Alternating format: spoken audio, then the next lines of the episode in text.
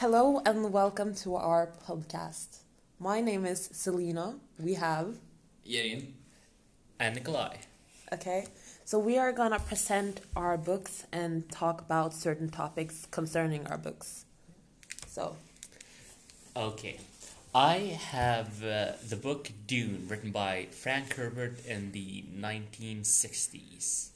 Now, Dune, Dune is a very interesting book because although it's um, because it takes place in uh, a completely fictional world, uh, it mostly takes place on Atreides. No, no, on Arrakis, a planet, a desert planet that has a completely a completely unique and valuable resource called spice.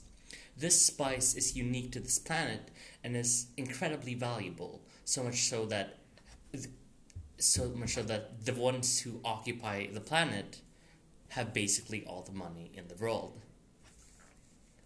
Uh, it's very different from what you would say Earth, for example, because it takes place on. It starts on one planet, then moves on to Arrakis, which is a very hostile world. You have alien creatures, you have tribal societies who use the spice to look into the future and live on the outskirts of the desert. So it, had ver- it's very different from what you'd normally see. yeah. Do you wanna continue to explain your plot and Ye- Thoughts? Yeah, sure. Um, um, Dune op- opens on a completely different planet with the with uh, you having the young boy Paul. He's being taken into a special kind of training. After after doing this training, however, he finds out that he he and his father have been removed from the dukedom they have on that planet to Arrakis. The old baron who used to rule there, however, is not exactly happy about this, since this means he's losing the spice, which is incredibly valuable. Therefore, he plots an assassination attempt, attempt on the entire family to try to take Arrakis back.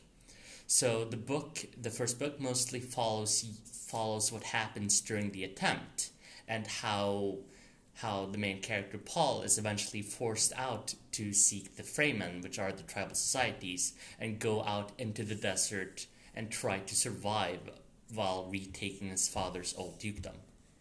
yeah, personal thoughts? Um, I think the book, I think the book is very well written because a lot of the characters have different motivations and different thoughts, and he really gets that through. None, none of them are blank slates. They are very developed, and they often have different motives. Even in one single family, like the Harkonnens, the family who try to take over Arrakis, there are several people with different plots all going together, and you get to see how they kind of tangle up and mess with each other.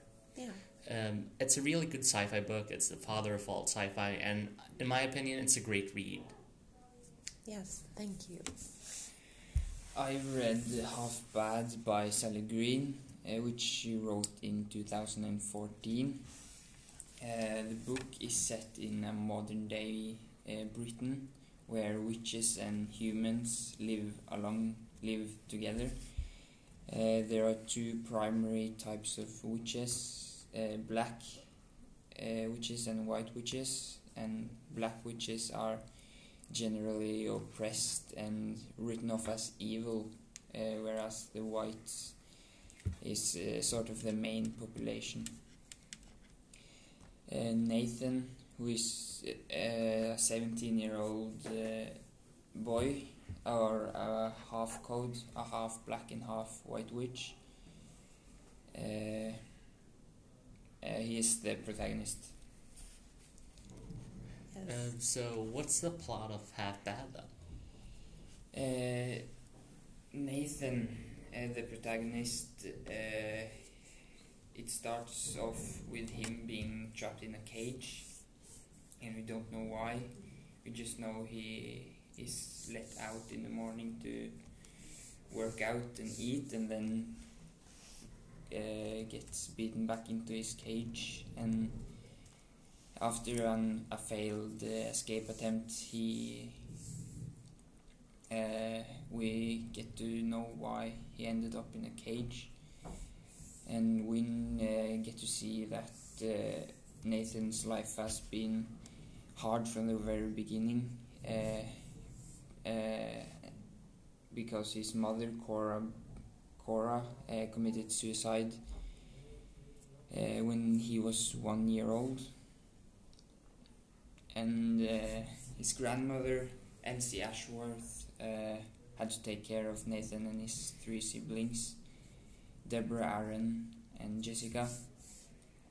He was very close to Aaron, uh, as Arran was only two years older than he was, and did not see him as half black like his older sister Jessica did, uh, but chose to focus on uh, the half white side of him, as did his grand Deborah, though they weren't as close.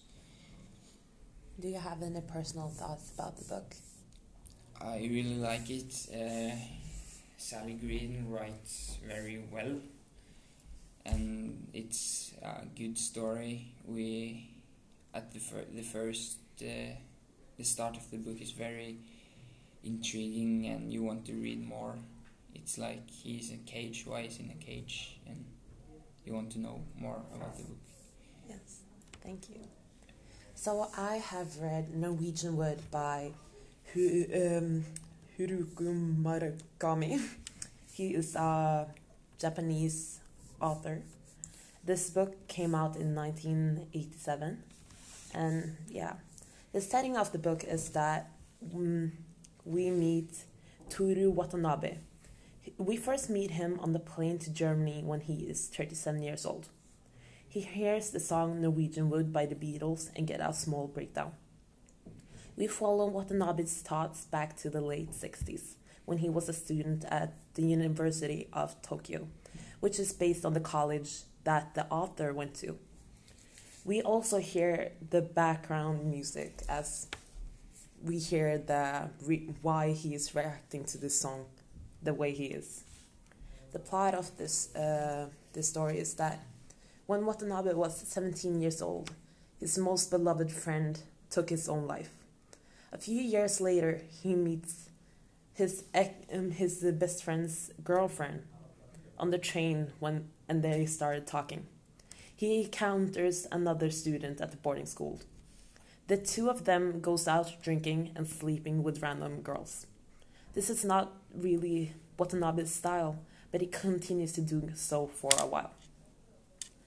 Uh, well, he is a very lonely person, and I think that is by choice because he says that no one seeks solitude. I just do not bother making friends. You, they will only disappoint you. He says this several times throughout the book. He has a breakdown towards the end of the book. The same breakdown we hear about at the start of the book, actually. Norwegian Wood was his girlfriend's favorite song, and now his girlfriend is dead, as one understands after the introduction of the book. He has difficulty coping with the loss of both his best friend and girlfriend, causing him to have breakdowns. So, my personal thoughts about the book is that um, it is very sad and it really pulls on your heartstrings. We hear a lot about suicide, and this book is written by this author who has experienced se- like several of these incidents in his life. The story is fictional, but it takes place in a real world, if that makes sense. so, yeah.